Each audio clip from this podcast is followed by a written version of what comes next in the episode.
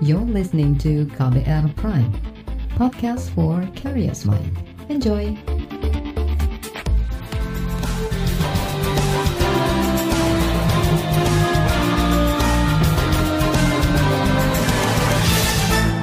Halo saudara, senang sekali kami bisa menyapa Anda kembali dalam program KBR Sore, edisi Rabu 16 Juni 2021.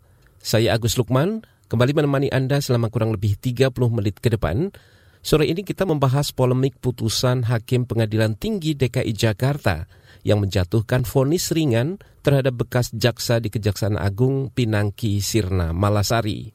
Jika di pengadilan tingkat 1 Pinangki divonis 10 tahun penjara, pengadilan tingkat banding justru mengkorting hukumannya menjadi empat tahun penjara saja.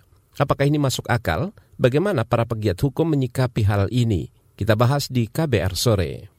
Saudara, Hakim Pengadilan Tinggi DKI Jakarta menjatuhkan vonis ringan terhadap bekas jaksa Pinangki Sirna Malasari.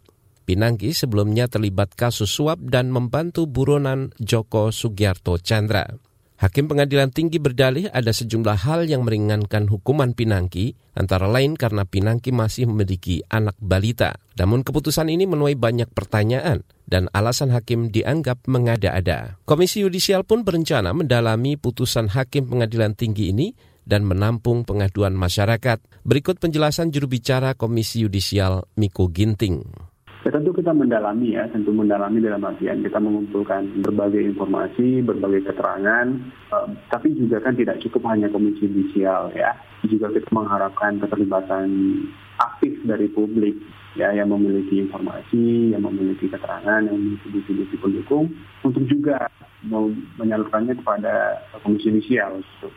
Nah sampai hari ini kita belum mendapatkan sebenarnya laporan uh, formal dari masyarakat terkait dengan hal tersebut gitu. Jadi uh, Komisi Judisial sedang mencermati dan mendalami, dan juga mengharapkan uh, publik juga berpartisipasi. Komisi Judisial tidak dapat bertindak kalau basisnya adalah benar atau tidaknya suatu putusan, atau tepat atau tidak suatu putusan. Tapi Komisi Judisial dapat bertindak apabila ada dugaan-dugaan pelanggaran perilaku hakim. Gitu. Ini kan uh, apa yang perlu proses yang cukup cermat ya dan hati-hati gitu. Dan kita tidak bisa juga secara, secara serta-merta mengatakan bahwa hakim melanggar pedoman perilaku misalnya gitu.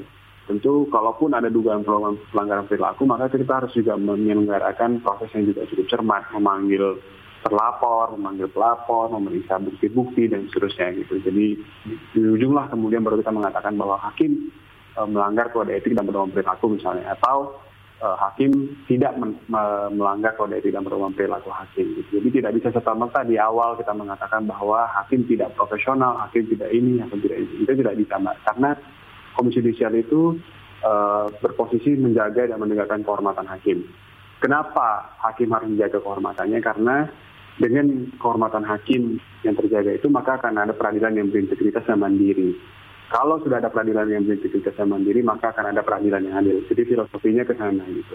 Hmm. Langkah menjaga dan menegakkan kehormatan hakim itu, Komisi Judisial bisa mengawasi perilaku hakim, di sisi lain juga bisa melindungi hakim dalam tanda kutip ya apabila ada dugaan-dugaan perbuatan merendahkan kehormatan hakim. Juru bicara Komisi Yudisial Miko Ginting mengatakan jika nanti ditemukan ada kesalahan putusan hakim, maka Komisi Yudisial akan memberikan rekomendasi kepada Mahkamah Agung sebagai penanggung jawab kinerja para hakim. Ya, pertama Komisi Yudisial kan tidak berwenang untuk menyatakan uh, suatu putusan itu benar atau tidak ya, atau tepat atau tidak gitu. Jadi kalau yang berkaitan dengan substansi putusan, pertimbangan yuridis, itu merupakan area teknis judisial ya Mbak. Yang merupakan domain upaya hukum. Apakah kemudian nanti kasasi atau berlanjut atau peninjauan kembali dan seterusnya. Ya, tapi sekali lagi Komisi Judisial tidak berwenang untuk menyatakan bahwa uh, suatu putusan itu benar atau tidak atau tepat atau tidak.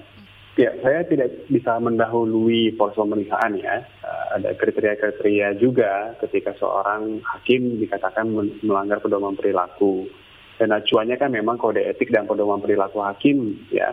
Di sana ada 10 butir yang bisa kita lihat juga. Sekali lagi saya tidak bisa mendahului proses pemeriksaan, tapi kalau ditanyakan apakah putusan saya itu sifatnya apa misalnya gitu ya, ya sifatnya rekomendatif kalau misalnya ada seorang hakim yang diduga melanggar uh, perilaku, maka kita uh, sesudah memberikan dan memutus itu mengirimkan rekomendasi untuk dieksekusi oleh Mahkamah Agung.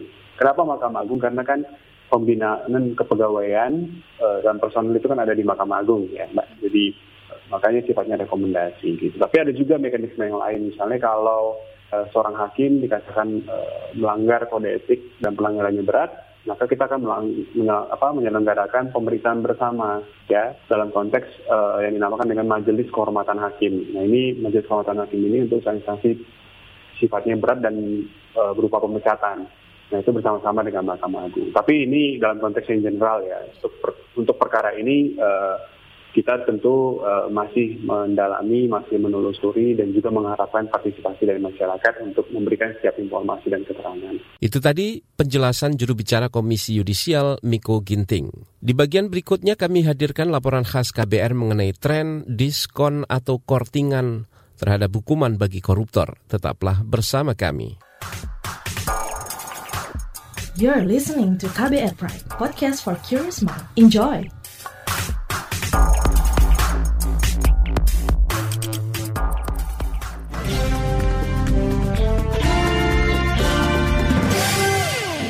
Saudara, pemangkasan vonis hukuman terhadap koruptor menuai kritik dan dianggap melukai upaya pemberantasan korupsi di Indonesia.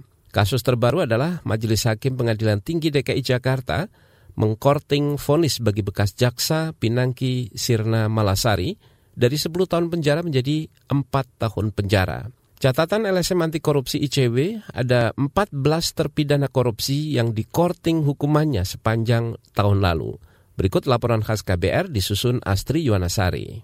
Menjatuhkan pidana terhadap terdakwa Anas Urbaningrum tersebut dengan pidana penjara selama 8 tahun. Ditambah dengan pidana denda sebanyak 300 juta rupiah itu tadi putusan Hakim Mahkamah Agung untuk ex-ketua umum Partai Demokrat yang juga terpidana kasus korupsi proyek Pusat Pendidikan, Pelatihan, dan Sarana Olahraga Nasional Hambalang, Anas Urbaningrum. MA memutuskan mengurangi hukuman terpidana korupsi proyek Hambalang itu dari 14 tahun menjadi 8 tahun penjara. LSM Anti Korupsi Indonesia Corruption Watch ICW mengungkapkan diskon masa hukuman terhadap koruptor rutin terjadi. Peneliti ICW Kurnia Ramadana menyebut sepanjang 2020 sekitar 14 terpidana korupsi yang dikorting hukumannya. Ya, dalam pantauan ICW setidaknya sepanjang tahun 2020 ada 14 terpidana kasus korupsi yang dihukum lebih ringan dari konteks pengajuan peninjauan uh, kembali. Misalnya ada nama seperti Dirwan Mahmud, mantan Bupati Bengkulu Selatan dari enam tahun menjadi empat tahun enam bulan penjara jadi dipotong kurang lebih satu setengah tahun. Lalu ada Rohadi, Panitra PN Jakarta Utara, dari tujuh tahun menjadi lima tahun, dan ada juga Anas Urbaningrum yang cukup menimbulkan perdebatan di tengah publik dari 14 tahun menjadi 8 tahun penjara. Selain Anas Urbaningrum, baru-baru ini Pengadilan Tinggi DKI Jakarta memotong hukuman terhadap Pinangki Sirna Malasari dari 10 tahun menjadi 4 tahun penjara Padahal di pengadilan tingkat pertama saja, sang jaksa dinyatakan terbukti menerima suap, mencuci uang hasil kejahatan, dan melakukan permufakatan jahat untuk meloloskan Joko Chandra. Pertimbangan pemotongan hukuman Pinangki salah satunya mengaku bersalah dan menyesali perbuatannya. Selain itu, hakim menilai Pinangki adalah ibu yang harus merawat anaknya. Bagi ICW, pengurangan hukuman ini sangat tidak masuk akal Kurnia Ramadana menyebut seharusnya hukuman Pinangki diperberat karena statusnya sebagai penegak hukum saat melakukan kejahatan.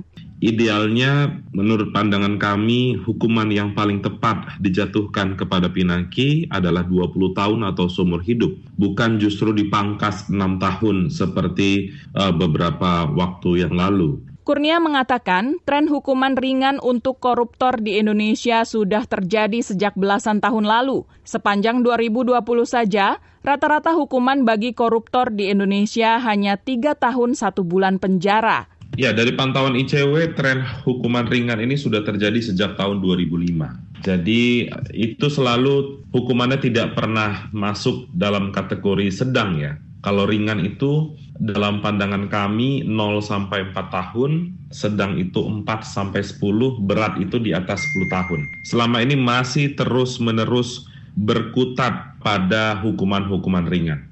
Menurut Kurnia, tren hukuman ringan untuk koruptor terjadi karena Mahkamah Agung tidak memiliki fokus terhadap isu pemberantasan korupsi. Apalagi, kata Kurnia, sejak pensiunnya almarhum Artijo Alkotsar dari Mahkamah Agung, tidak ada lagi sosok yang berani menjatuhkan hukuman maksimal bagi koruptor.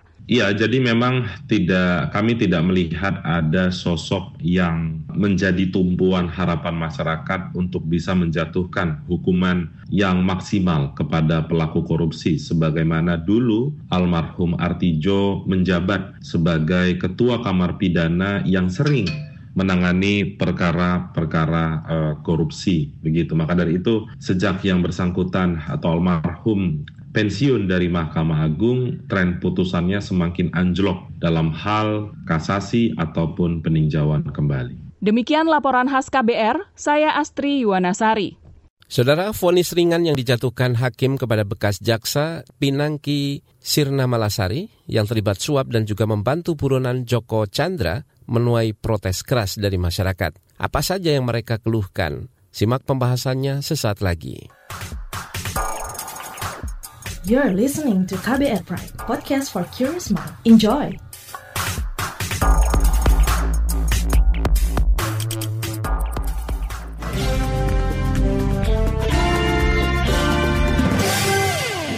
Terima kasih, saudara Anda masih bersama kami di KBR Sore. Koordinator Masyarakat Anti Korupsi Indonesia Maki, Boyamin Saiman, menilai putusan pengadilan tinggi DKI Jakarta yang memotong masa hukuman bekas jaksa Pinangki Sirna Malasari telah mencederai rasa keadilan. Berikut pernyataan Boyamin ketika dihubungi KBR. Prinsipnya menghormati putusan pengadilan apa pun bentuknya, baik bersalah ataupun bebas, ataupun dikurangi, ditambah, dan lain sebagainya. Namun rasanya yang paling pas adalah putusan dari Pengadilan Negeri Tipikor Jakarta Pusat yang menghukum Pinangki 10 tahun. Karena ini kan kalau dibandingkan zaman Urip Trigunawan kan hukumannya sampai di angka 18 tahun. Bahkan 20 tahun. Nah, mestinya Pinangki ya ah, mendekati itu lah mendekati itu kan 10 tahun. Nah, dengan dikurangi ini terus terang aja ya agak mengurangi atau bahkan mencederai rasa keadilan masyarakat. Karena apa pun dia seorang jaksa yang harusnya menangkap Joko Chandra, eh malah berusaha membantu Joko Chandra. Nah inilah yang eh, rasanya mencederai rasa keadilan masyarakat. Boyamin Saiman menduga ada kekuatan besar di balik kasus yang melibatkan Pinangki. Ia pun meminta siapa pun yang terlibat dalam kasus Pinangki menjadi sasaran penegakan hukum berikutnya. Tapi ini saya sebenarnya juga sisi lain agak uh, bisa mencermati pertimbangan dari uh, pengadilan banding tingkat tinggi ini salah satunya adalah poin 4 itu bahwa karena ada keterlibatan pihak lain. Nah inilah yang sebenarnya dari sini akan saya kejar keterlibatan pihak lain terutama adalah kingmaker. Siapa kingmaker ini nanti kita sudah saya masukkan ke kpk nama lengkapnya dugaannya itu adalah uh, seseorang yang punya kekuasaan tinggi.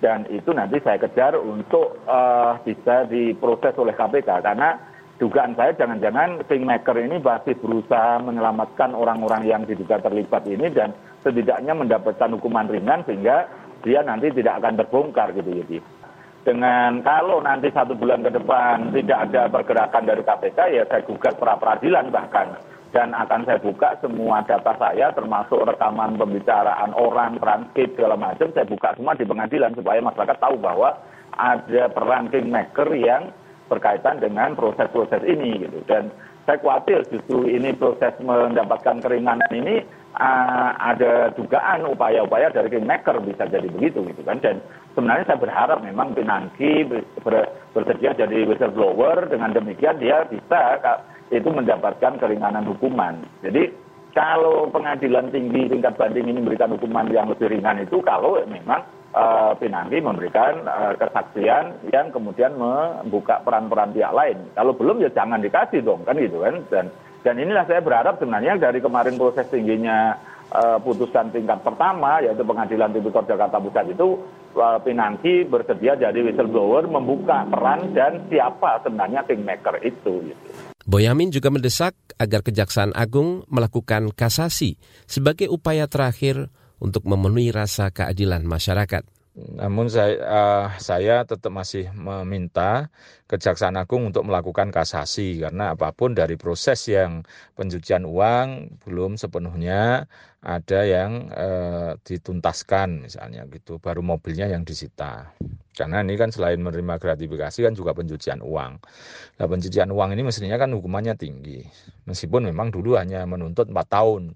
Tapi kalau ini sekarang apa prosesnya kan uh, kemudian untuk memenuhi rasa keadilan saya mendesak Kejaksaan Agung untuk melakukan kasasi untuk uh, apa upaya terakhir lah itu untuk memenuhi rasa keadilan masyarakat. Itu aja ya, masih. Itu tadi penjelasan dari Koordinator Masyarakat Anti Korupsi Indonesia Maki Boyamin Saiman. Sementara para ahli mendesak ada eksaminasi atau pengujian terhadap vonis ringan yang dijatuhkan pengadilan terhadap bekas jaksa Pinangki. Simak informasinya sesaat lagi. You're listening to KBR Pride, podcast for curious mind. Enjoy!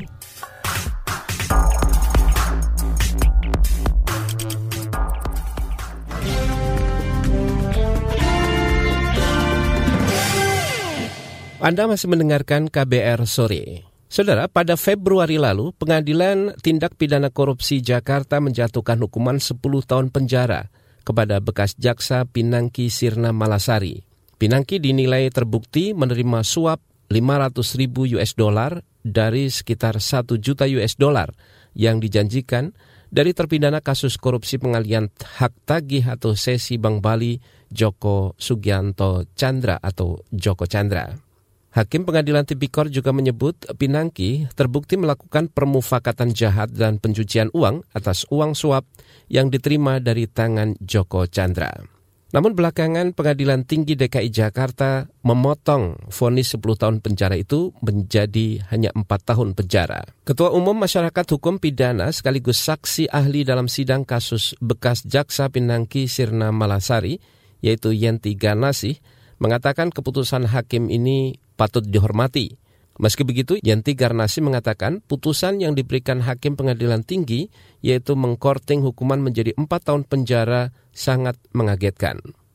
Berikut perbincangan jurnalis KBR Dwi Renjani dengan pakar hukum pidana Yenti Ganarsi. Sebagai pakar hukum dan yang pernah menjadi saksi ahli kasus Pinangki, tanggapan Ibu terhadap vonis uh, ringan kepada Pinangki seperti apa? Ya luar biasa gitu, luar biasa ajaib gitu ya. Tapi nggak apa-apa, itu kan memang kan kebebasan hakim, hmm. keyakinannya dan kebebasan hakim. Tapi kita bisa melihat dari pertimbangannya apa sehingga putusannya menjadi pengurangan pidana. Itu kan berkaitan sampai dengan di diskon 60% itu dikarenakan alasan-alasan antara lain karena perempuan punya anak balita gitu ya, hmm. kemudian menyesal gitu ya, hakim itu memang hakim itu punya kebebasan. Mm -hmm. Tapi ya kebebasan hakim itu bukan sebebas-bebasnya. Kebebasan hakim itu dibatasi dengan pertanggungjawabannya. Pertanggungjawabannya atas yang di yang tertera dalam petitumnya itu mengadili berdasarkan uh, keadilan berdasarkan ketuhanan yang Maha Esa. Uh, ada ada teori yang mengatakan bahwa ada yang namanya rambu-rambu untuk putusan-putusan pengadilan, ya, hmm. ya rambu-rambu. Itu kan nggak sebebas-bebasnya. Secara ilmiah itu adalah tidak boleh ada disparitas yang sangat mencolok berkaitan dengan kasus-kasus yang sama atau hampir sama dalam satu negara. Kita berharap rasa keadilan hakim seluruh Indonesia itu ya tidak ada yang yang apa jomplang gitu gitu loh. Nah, memang seperti, seperti absen penting itu dilarang harusnya tidak boleh gitu kan untuk menjaga integritas, profesionalitas, menjaga tujuan hukum tadi gitu. Ini makanya dalam hal ini langsung masyarakat membandingkan dengan Angelina Sonda gitu kan. Apakah tidak ada yang memberatkan dalam persidangan untuk dipertimbangkan kembali diberikan vonis ringan begitu Bu? Yang dilihat yang menjadikan 10 tahun menjadi empat tahun itu kan peringanannya gitu kan. Kita nggak melihat pemberatannya mana gitu kan. Nanti kita bandingkan gitu kan. Menyesal dan mengakui, rasa-rasa nggak ada mengakui kalau kita mengikuti peradilannya tuh nggak nggak mengakui malah tetap membantah makanya dia banding juga iya. gitu kan? mm -mm. menyesal. Ya menyesalnya bagaimana konteksnya? Kalau nggak salah ada beberapa persidangan hakim malah membentak dia loh karena dia entah berbelit-belit entah apa coba dicek lagi deh. Kalau nggak salah dia menjawabnya atau gimana lah. Yang ketiga uh, dia mendapatkan teguran dari hakim. Karena gini biasanya yang menjadi peringan itu antara lain ya uh, usia muda misalnya gitu ya. Terus uh, baru pertama kali gitu ya. Mm-hmm. Kemudian uh, kooperatif, mm-hmm. artinya bagus gini-gini. Nah, peringan itu juga bukan terus yang 10 persen, mestinya peringan itu ya 10 persen lah gitu ya misalnya. Mm-hmm. Oke. Okay? Nah sekarang harusnya ada pemberatannya juga yang sangat signifikan, yaitu pemberatannya karena yang melakukan adalah uh, penegak hukum. Harusnya pemberatan. Nah sekarang uh, kita ingin mempertanyakan uh, di dalam mungkin nanti sebaiknya dieksaminasi saja putusan ini kan. Kita harus hormati putusan ini sebelum ada putusan yang lebih baru ya kan. Mm-hmm. Kita harus hormati. Tetapi kita bisa mengeksaminasi berkaitan dengan peringanan-peringanannya dan peringanan yang ada itu dibandingkan pemberatannya patutkah 10 tahun menjadi empat tahun. Ya silahkan kita berpendapat secara ilmiah nanti di sana gitu ya. Hmm. Kasus ini akan sangat berdampak kepada kepercayaan publik. Menurut Ibu seperti apa? Kita ada beberapa hal ya berkaitan putusan ini berkaitan dengan semangat pemberantasan, berkaitan tujuan pemidanaan yaitu untuk menjerakan. Itu harus dipikirkan gitu kan. Berkaitan dengan tajam ke bawah, kumpul ke atas ya, itu hmm. harus dipikirkan. Berkaitan dengan ketidak atau kewibawaan atau akan menggerus kepercayaan masyarakat pada Mahkamah Agung ya, pada hmm. keseluruhan hakim-hakim gitu ya. Dan ini tentu saja untuk Mahkamah Agung, ini gimana nih hakimnya yang PN seperti ini, PT seperti ini mesti ada yang salah kan? Masa ada ada pertimbangan beda sekali kan? Nah, mungkin dua-duanya benar karena beda sekali ininya gitu kan. Yang mana ini gitu kan? Uh, yang menjadi ukuran keadilan itu yang mana? Dan itu yang bahaya adalah masyarakat kita tidak akan taat hukum. Karena apa? Dia merasa ah nanti gampang lah hukum begini-gini dan sebagainya. Itu yang paling bahaya kan? Kan ini kan bukan hanya masalah korupsi saja. Harusnya nanti dilihat dilihat juga kemandirian hakim. Hakim itu harus apa harus memberikan suatu pengadil kan? Hakim itu kan bukan penghukum. Sebenarnya pengadil kan mengadili akan berdampak pada kegiatan yang lain juga berkaitan dengan uh, bahwa aturan-aturan itu harus dilindungi aturan itu harus ditaati. Ini kan. Bisa ada potensi kerusakan yang lebih berat lagi yang yang harus ya kita prihatin gitu ya. Tapi yang paling tidak mudah-mudahan dibiasakan untuk eksaminasi putusan. Itu tadi penjelasan Ketua Umum Masyarakat Hukum Pidana sekaligus saksi ahli dalam sidang kasus Jaksa Pinangki Yenti Ganarsi. Informasi tadi menutup jumpa kita di KBR Sore edisi Rabu 16 Juni 2021. Pantau selalu informasi terbaru melalui situs kbr.id, Twitter kami di akun @beritaKBR serta podcast di alamat kbrprime.id. Jangan lupa untuk tetap mematuhi protokol kesehatan dengan 5M, memakai masker, menjaga jarak, mencuci tangan dengan sabun, menjauhi kerumunan, dan mengurangi mobilitas. Saya Agus Lukman bersama tim yang bertugas kami undur diri. Salam.